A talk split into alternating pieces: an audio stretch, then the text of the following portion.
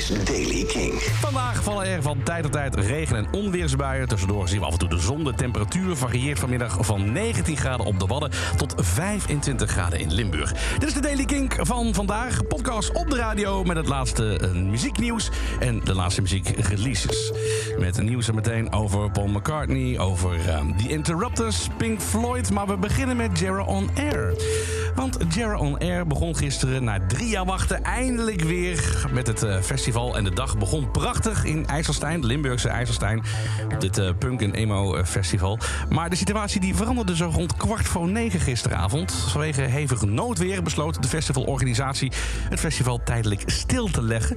Inmiddels is het festival weer hervat en raadt de organisatie wel aan, mocht je dus gaan dit weekend, om poncho's mee te nemen en laarzen.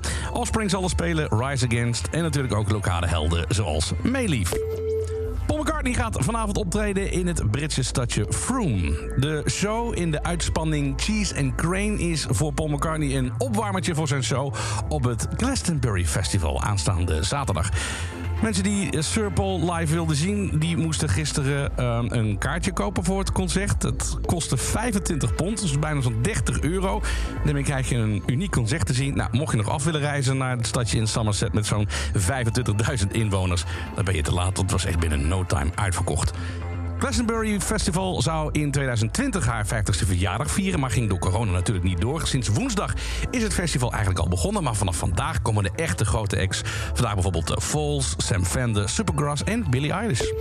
En gisteren kwam er een nieuwe track uit van The Interrupters.